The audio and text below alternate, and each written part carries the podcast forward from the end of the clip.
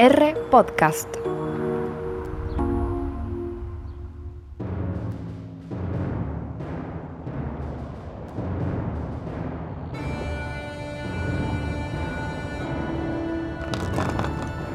Se dice que en América la viruela llega en 1520 con un esclavo negro y pensemos todo el tráfico que había en ese momento. Pues ¿qué hace ahí echado? Arriba, hombre, a trabajar.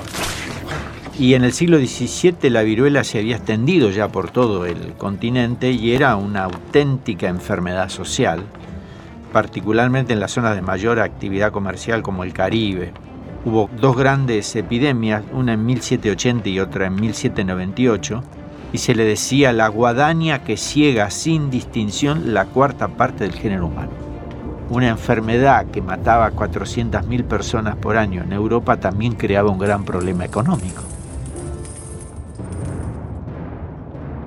Pero, pero, pero, en 1791 pasó lo que ya contamos de que Jenner se atrevió con las vesículas de las ordeñadoras y esto fue lo que se llamó la vacuna antivariol. Le pondré en su brazo líquido extraído de la vesícula de una de las ordeñadoras. Ahora tenemos una vacuna. Ya hicimos el ensayo clínico, que acá no fue un ensayo clínico propiamente dicho, pero la tenemos. ¿Y ahora cómo se implementa? ¿Cómo hacemos para que llegue a la población y efectivamente haga lo que nosotros esperábamos. Bueno, esta es la historia. Juro por Apolo presenta la expedición de la vacuna, Expósitos ad Mundum.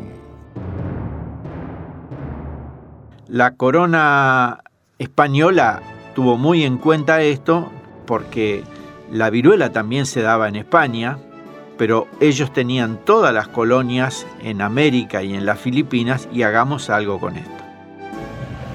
La Real Expedición Filantrópica de la Vacuna. Bueno, la decisión de promover esta magna expedición jugó un papel importante Carlos IV. El rey Carlos IV. Y como rey, debo asegurarme de que no solo en España, sino en todas nuestras colonias, la viruela deje de hacer estragos. Ay, estimado rey, ni quiero recordar cuando fuisteis víctima de esa enfermedad abominable.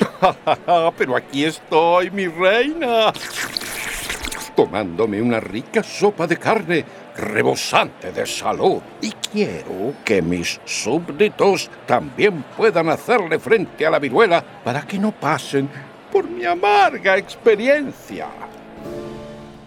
¿Cuáles eran los objetivos? Difundir la vacuna desde España a todos los virreinatos ultramarinos, instruir a agentes sanitarios locales de esas poblaciones para que la práctica no fuera ahora, sino que se quedara sentada y perpetuada, y crear en sus virreinatos juntas de vacunación como centro para conservar, producir y abastecer vacunas activas para mantener la campaña de vacunación de forma estable y permanente un verdadero ejemplo de implementación en campo. ¿Cómo arranca esto? Bueno, se empieza a preparar la expedición de la vacuna en marzo de 1803. 1803, siete años antes de nuestra revolución. Como sistema de financiación se estableció que los gastos de navegación hasta las costas de ultramar corrieran a cargo de la Real Hacienda. Una vez allí, los gastos de las expediciones locales y la creación de las juntas de vacunación serían sufragados por los tributos de indios, censos de indios, diezmos eclesiásticos, que eran los procedimientos habituales para que las arcas estuvieran gordotas y no vacías. El 6 de junio de 1803 se publica una real orden en la que se disponía la organización y se nombraba director, que vendría a ser Javier de Balmis, quien quedó encargado de comprar todo lo necesario para el éxito de la empresa.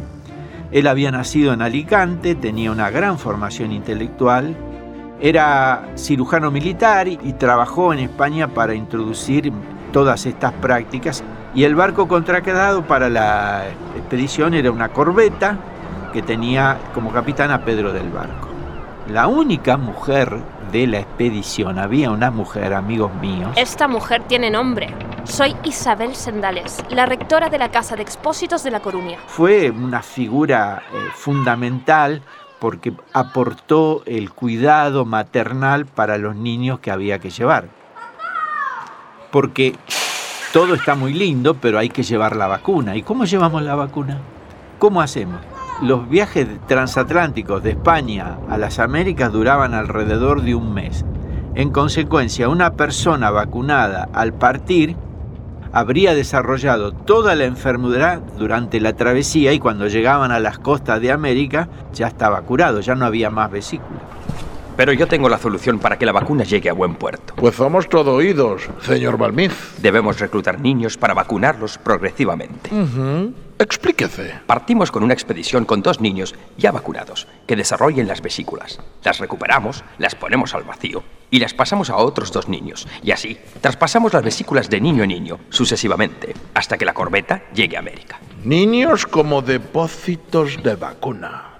¿Cómo no? ¿Cuántos necesita? ¿Media docena? ¿Una docena? ¡Hala! ¡Hala! Pero no era fácil reclutar la cantidad de niños que haría falta para todas las travesías.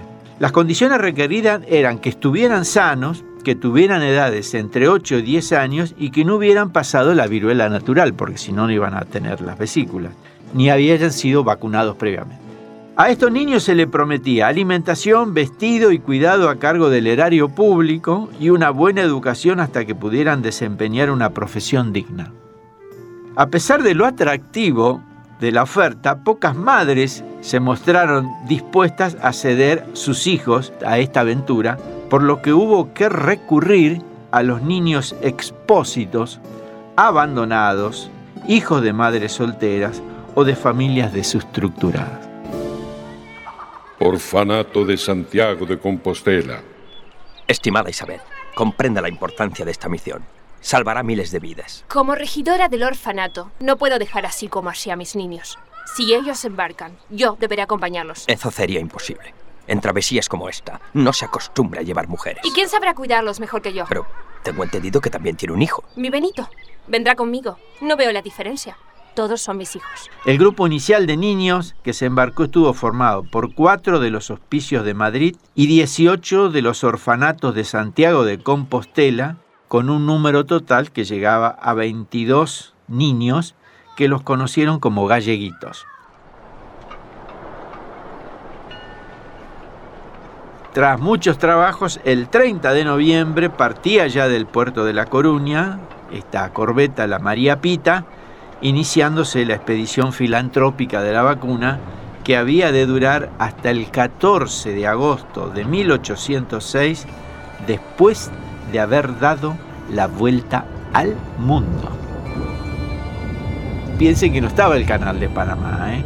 no estaba el canal de Panamá, de modo que uno podía llegar a América, pero después para ir a la Filipina hay que dar todo el paseíto y pasarte por el Pacífico, un trámite interesante. Al partir fueron vacunados dos niños que a lo largo de una semana desarrollaron las vesículas características de la viruela vacuna. De estas vesículas frescas se obtuvo este líquido, se llamaba la linfa, con la que se vacunaron otros dos niños y así sucesivamente. Las linfas de las vesículas más frescas se conservaban al vacío, habían hecho una máquina de vacío, en ampollas de cristal especiales. De esa forma se conseguía llegar a las distintas etapas de la expedición con vacunas en perfecto estado.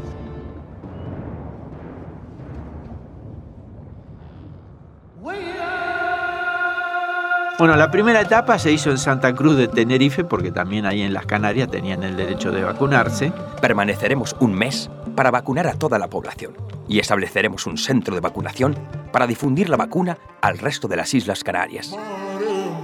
La siguiente etapa fue Puerto Rico, donde las autoridades no prestaron atención ni colaboraron con los expedicionarios, ya que allí ya se había difundido la vacuna por las colonias inglesas. Les ganaron, les ganaron, aquí ya estamos protegidos. Váyanse a buscar voluntarios con sus vacunas a otra parte. Claro, lo que pasa es que los ingleses y los españoles competían en América por colonias y bueno, todos querían hacer negocios.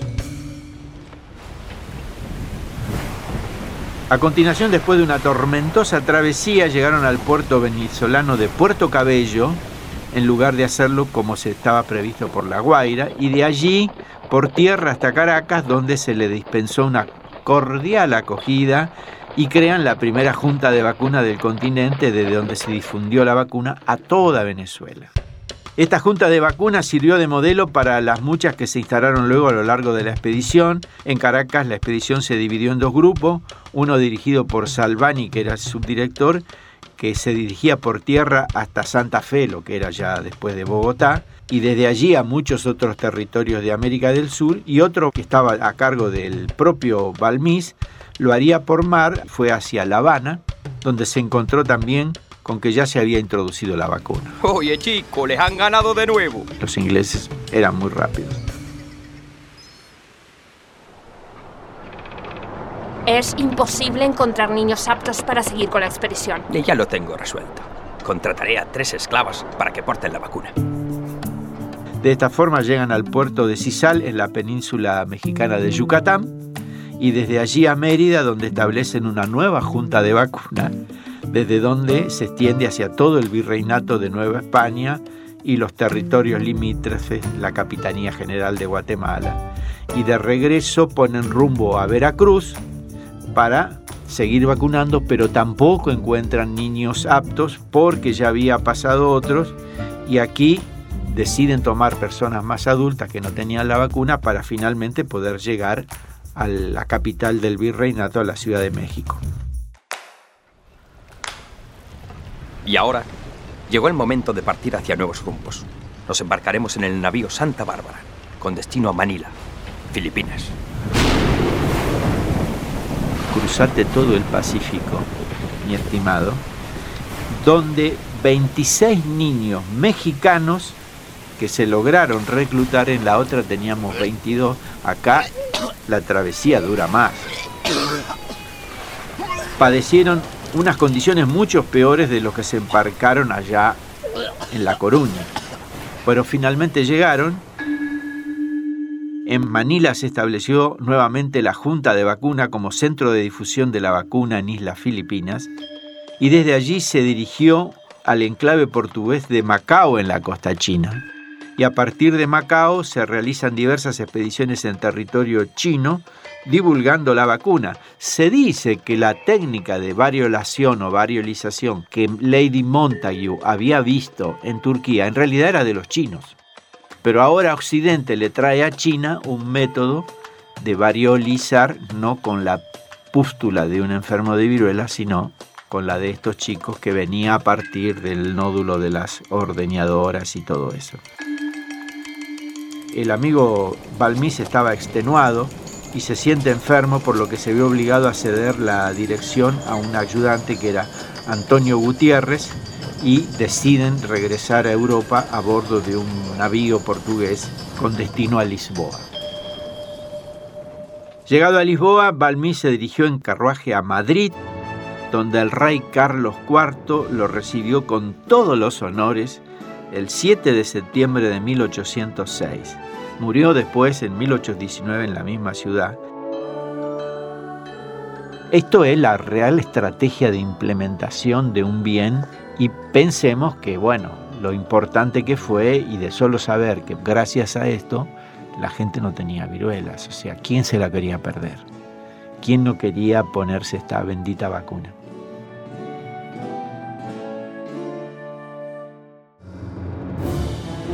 Juro por Apolo es una producción de R Podcast para la Fundación Ciencias Médicas de Rosario, Santa Fe, Argentina. Protagonizada por Oscar Botazo, con la producción general de Juan Ignacio Isern y Martín Parodi. Guión de Luciano Redigonda. Música de Manuel Sáenz. Y las actuaciones de Lucila Campos, Juan Nemirovsky, Juan Pablo Jevoli y Carlos Bacaro. Diseño gráfico, Sebastián Fandiño. Chulo. Comunicación, Valentina Alvarado. Juro por Apolo. Forma parte del proyecto Medicina Lírica de la Fundación Ciencias Médicas, presidida por el profesor Dr. Alberto Muñagurria.